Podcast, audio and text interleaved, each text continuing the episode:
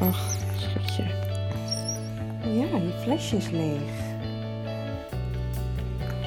Je hebt goed gedronken, jongen.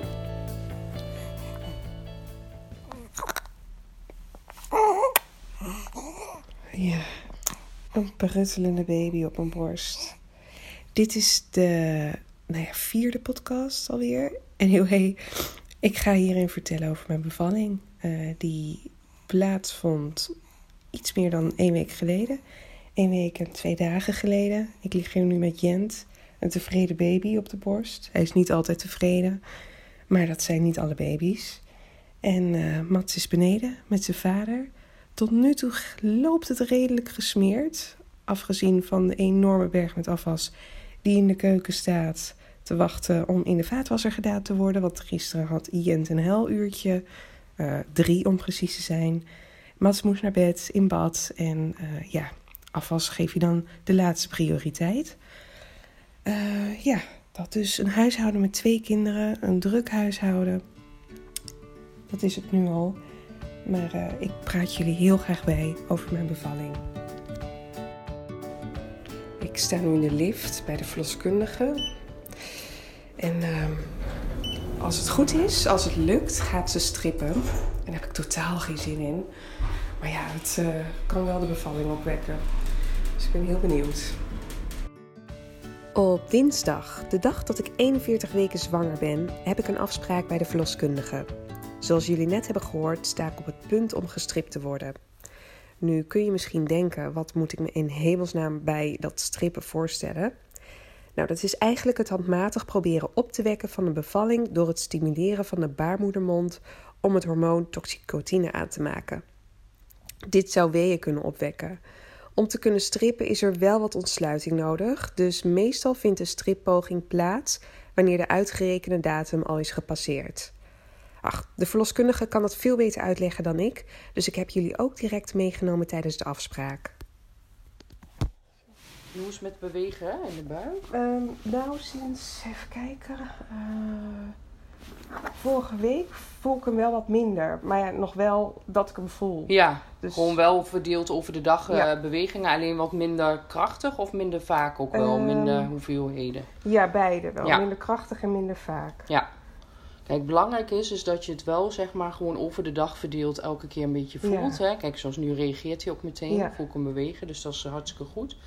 Het gaat vooral om als het heel, ineens heel erg verandert. Of als er echt een paar uur tussen zit dat je denkt, normaal voel ik hem. Ja, Soms is het dan handig om op je linkerzij even te Ja. gaan liggen. En dan voel je hem vaak wel binnen Ja, een uur klopt. zeg maar weer bewegen. Zo niet, twijfel je, moet je wel aan de bel trekken. Want dit is natuurlijk wel zo'n week hè, dat, Ja, dat het allemaal wat eh, belangrijker wordt hoeveel ze bewegen. Maar hij reageert wel meteen hoor. ja. Dus ja. misschien hoef je alleen maar je handen op je buik Ja. te leggen. En dan, Meestal eh, wel. Ja, ik was ook echt heel anders gewend. Dus dat nu oh, grappig, dacht ja. ik ook. De rug ligt aan de linkerkant. Ja.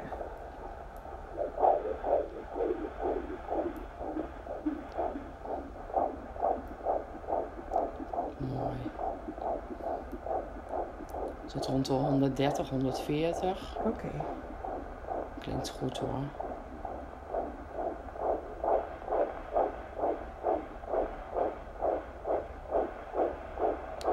Super.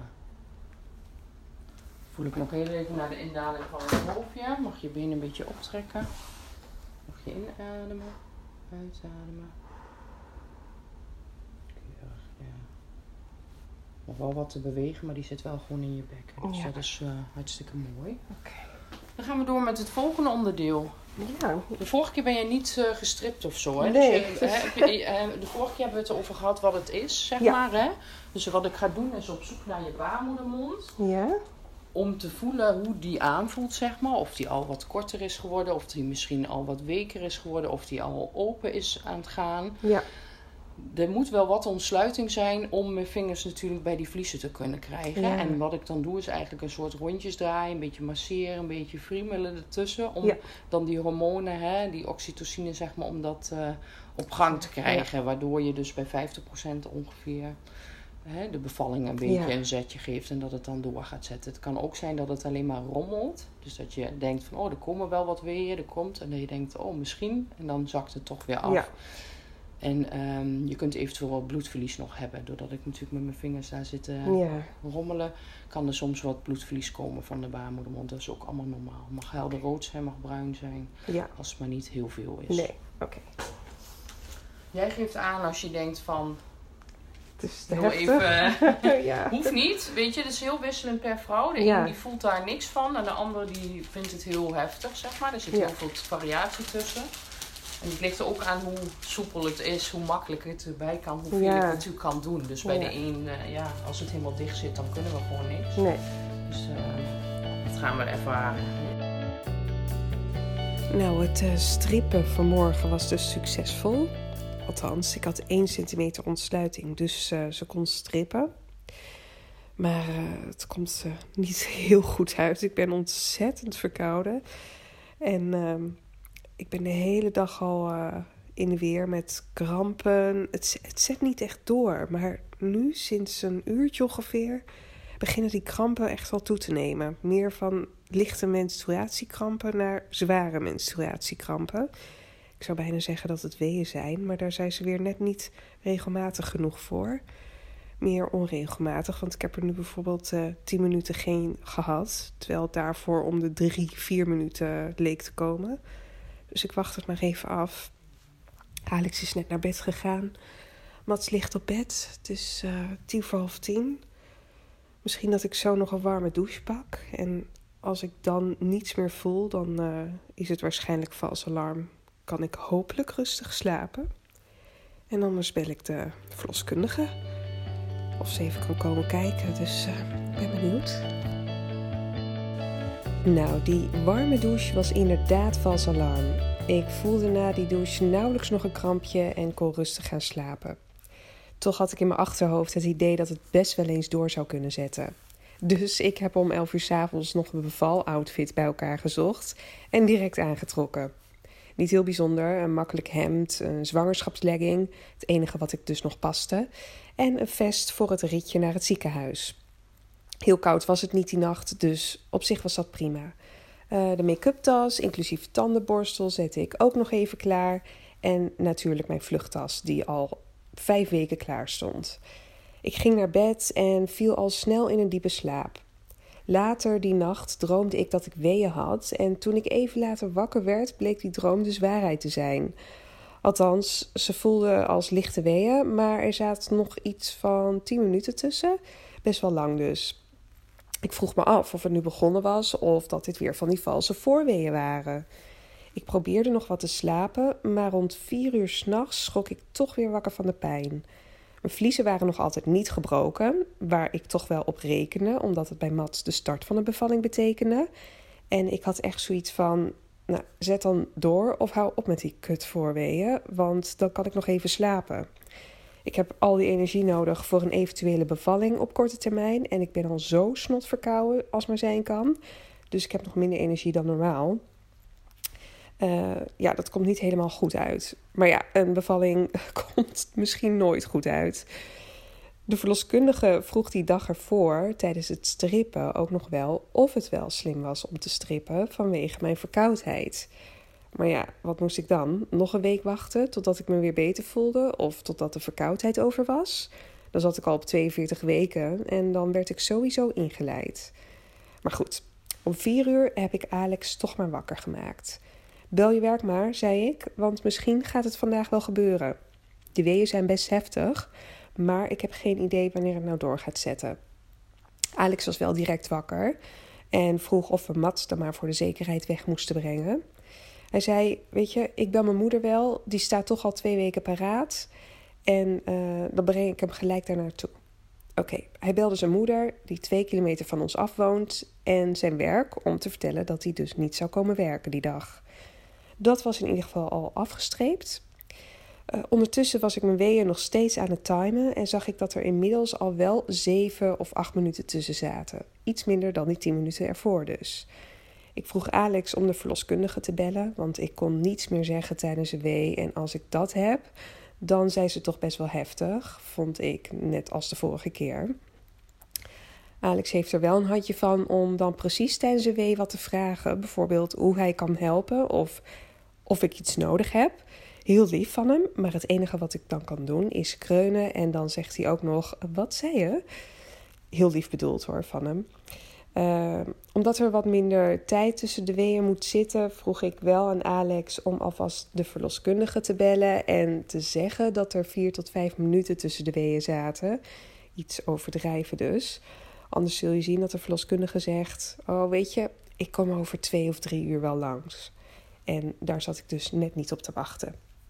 Ik dacht, liever komt ze zo snel mogelijk, zodat ik ook een beetje op tijd naar het ziekenhuis kan gaan en niet met intense weeën de auto in hoef te stappen, zoals de vorige keer. Het is nu half zes. Um, ik, uh, ik heb toch wel heftige weeën gekregen. Alex is de verloskundige, heeft de verloskundige net gebeld. Ze komt over drie kwartier. Um, de kraamzorg heb ik geappt net en mijn moeder.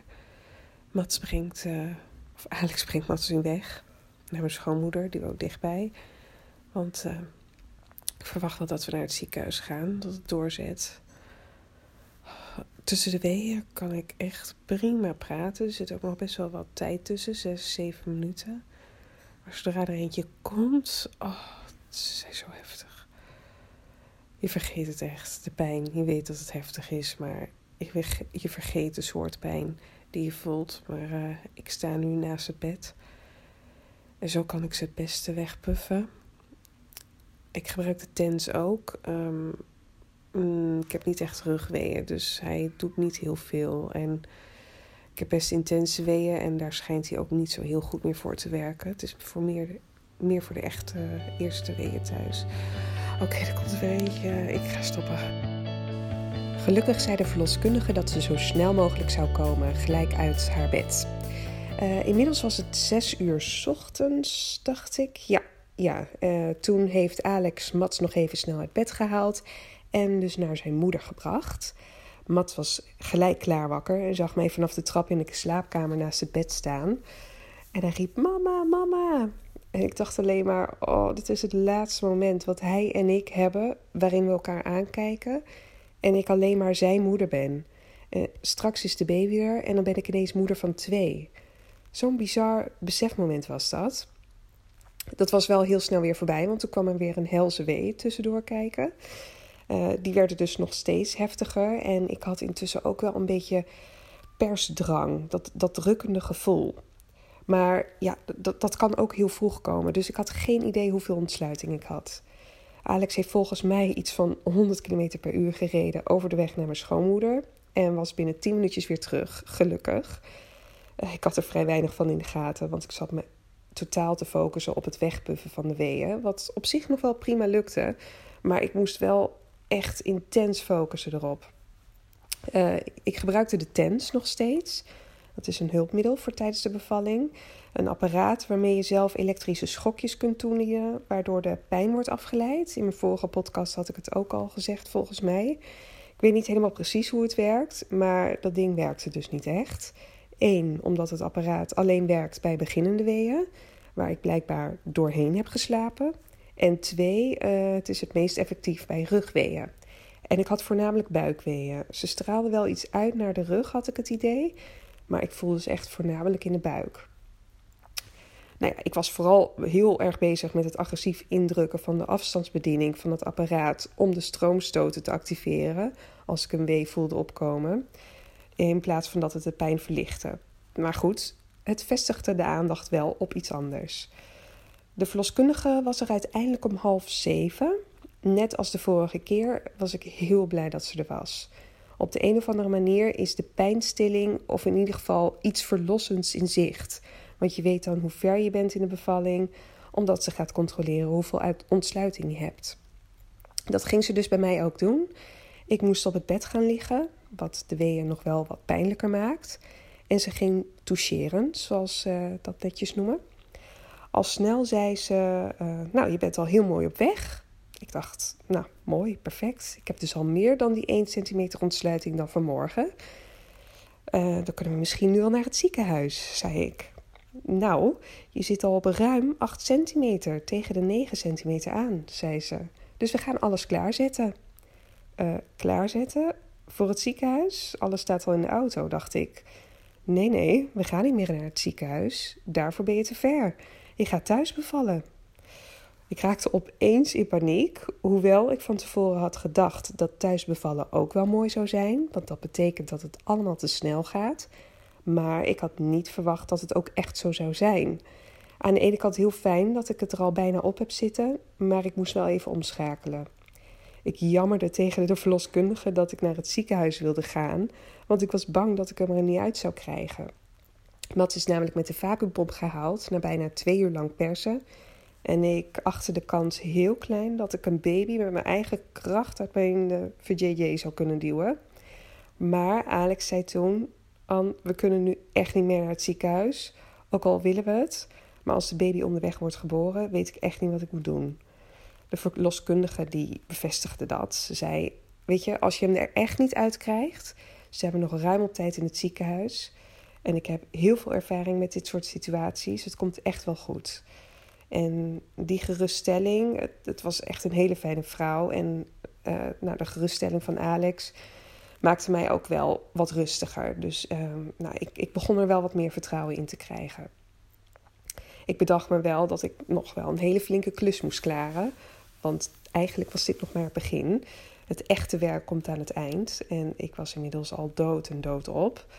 Uh, sinds twee, drie uur wakker. En uh, ja, het opvangen van weeën is zo ontzettend uitputtend. Dat mensen marathon vergelijken met de bevalling is echt helemaal niet zo gek. Want tussen de weeën door wilde ik ook elke keer slapen. Ik was zo moe. Maar ja, dat lukt niet echt. Want daar heb je totaal geen tijd voor. Uh, om de laatste persweeën door te komen, zei de verloskundige dat het misschien wel een idee was om onder de douche te gaan staan. Omdat dat werkt als een soort van natuurlijke pijnstiller. Ik had inmiddels al nog meer een druk gevoel. Dus die persweeën zouden alleen maar heftiger worden, wist ik, de komende tijd. Vrouwen die zijn bevallen weten overigens precies wat ik bedoel. Maar het is dus letterlijk het gevoel alsof je moet poepen. En dan echt heel, heel nodig.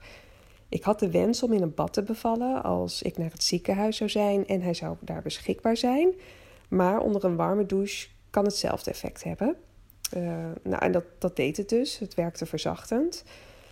Uh, ondertussen belde Alex de kraamverzorgster, zodat hij ook kon helpen met de bevalling en hielp hij de verloskundige met het klaarzetten van alle spullen. Volgens mij moest hij kokend water klaarzetten, handdoeken pakken, uh, hydrofiele doeken. En het kraampakket natuurlijk, wat ik dus al in huis had, werd uitgepakt door de verloskundige. Heel handig, want er zit dus echt heel veel in voor een thuisbevalling. De verloskundige heeft haar spullen mee, maar uh, daar zitten dus matjes in voor op het bed, voor op het matras, alcohol, handschoenen, alle dingen eigenlijk die je weg kunt werpen. Dus uh, dat was heel fijn dat die binnen handbereik stond. In de tussentijd stond ik mijn weeën weg te puffen onder de warme douche. Maar na een kwartier werden de weeën echt te heftig en nam mijn lichaam het persen over. De verloskundige zei dat ik lichtjes mee kon persen, maar ik had inmiddels al zo'n oerkracht die het overnam. Je kunt dan ook gewoon niks anders doen dan een soort kreunen, brullen, eh, om die immense kracht te onderdrukken. Ja, en omdat je lichaam met alle macht iets eruit probeert te persen, komt er ook wat ontlasting mee. Helaas, dat vond ik wel erg. Ze zeggen dat je de schaamte voorbij bent, maar tussen de weeën door probeerde ik het een beetje schoon te maken. Oh, zo vies vond ik dat. Ik heb het bij de vorige bevalling ook gedaan. Uh, heel gênant. Uh, maar ja, het, het, blijft een feit dat de meeste vrouwen dat toch wel doen. De verloskundige is heel professioneel op dat moment en zei ook: focus jij je maar op de weeën, ik ruim het op, dat moet jij helemaal niet doen. Maar ik denk dat als zij ooit met pensioen gaat, ze dan zal zeggen: één ding ga ik niet missen, en dat is het opruimen van andermans shit tijdens een bevalling. Anyway, ik had de hele tijd mijn hand aan de onderkant van mijn buik, uh, bij mijn schaambodje daar, echt helemaal onderaan. Ik weet niet precies waarom, maar volgens mij bood dat wat verlichting. Toen ik lichtjes mee ging persen, ik stond toen nog onder de douche, ja, voelde ik opeens een soort verdikking bij mijn schaambod. En ik schrok daar echt heel erg van en riep: Volgens mij komt hij eruit. Nou, dan gaan we verhuizen naar het bed, zei de verloskundige. Nou, Alex hielp me met het afdrogen en ik liep naar het inmiddels geplastificeerde bed. Zoveel matjes en plastic lag erop. Mijn vliezen werden eerst gebroken door de verloskundige. Dat, dat ging echt in een uh, klein minuutje. En toen mocht ik dus eindelijk gaan persen. Benen omhoog, handen tussen de knieën, kin op de borst en zo hard mee persen als ik maar kon. Na tien minuten voelde ik nog niet echt de vooruitgang. En de verloskundige zei inderdaad dat hij nog net dat laatste stukje van achter het schaambod door moest gaan. Om het een en het ander wat makkelijker te maken, pakte ze de baarkruk erbij. Geen barkruk, een baarkruk. Zoals Alex het noemt, een wc zonder onderkant. Dus eigenlijk alleen een wc-bril met een standaard, als ik het zo goed omschrijf. Alex ging achter mij zitten om me te ondersteunen. En op dat moment kwam de kraamverzorgster net binnen. En die ging dan weer achter Alex staan om hem weer te ondersteunen. Want blijkbaar gaf ik zoveel druk naar achteren dat Alex bijna van zijn stoel afviel. Uh, ja, nu was het eigenlijk alleen nog maar persen, maar dan naar onderen. Heel natuurlijk naar mijn idee, want persen doe ik normaal ook op de wc. Maar dan niet met zo'n grote bevalling. Uh, maar dit ging eigenlijk hartstikke goed. Ik heb iets van drie keer geperst. En ik voelde ook echt duidelijk dat hij steeds meer naar beneden zakte. Op een gegeven moment zei de verloskundige: Oké, Anne, nu moet je heel goed naar me luisteren en zuchten als ik zeg zuchten. Ik wist dat dat zo belangrijk was, omdat het hoofdje op dat moment een soort van staat. En als je niet gaat zuchten en maar door blijft persen, dat je heel erg uit kunt scheuren. Dus ik heb al mijn energie gefocust op dat moment en het alle macht gezucht totdat ik weer mocht persen. Het typische gevoel wat iedereen omschrijft als the ring of fire, uh, vond ik wel meevallen. Misschien ook omdat ik wist dat dit het allerlaatste stukje was en ik nog heel even door moest zetten door die pijn heen bijten. Hierna was het echt nog maar een heel klein duwtje en ik voelde hem direct geboren worden met een flinke lading vruchtwater wat ik op de vloer hoorde plonsen. Zijn warme lijfje werd direct op me gelegd.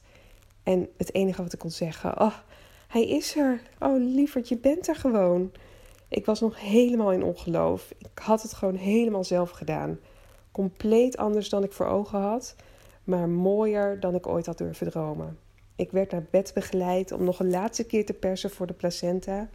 En ook dat ging heel goed. Uh, daarna werden er nog een paar hechtingen gezet.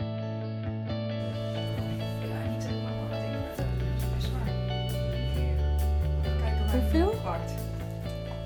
Is ook leuk om zijn voetjes nog even. Ja. Mag even met twee handen hoor, want oeh, dan kan ik hem ook even. Hoeveel weegt hij? Ja, hij springt nog een beetje heen en okay. weer. 34.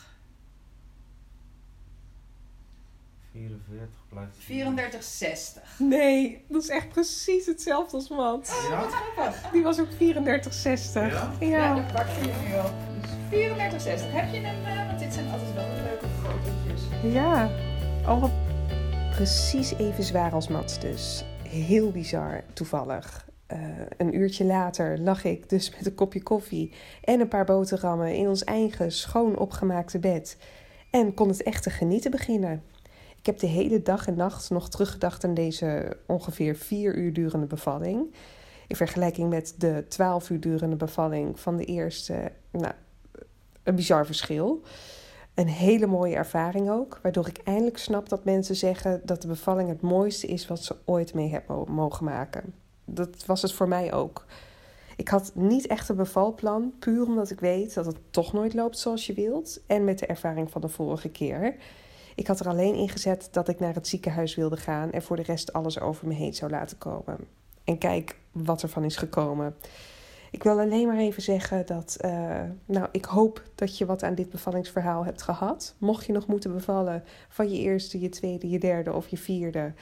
Ik hoop uh, dat dit je positief heeft gestemd. Het, uh, het kan dus ook heel mooi zijn. En bedankt voor het luisteren. Mocht je nou luisteren via iTunes, wil je dan een leuke recensie achterlaten of een beoordeling geven, zodat andere mensen mijn podcast kunnen vinden. Dankjewel voor het luisteren.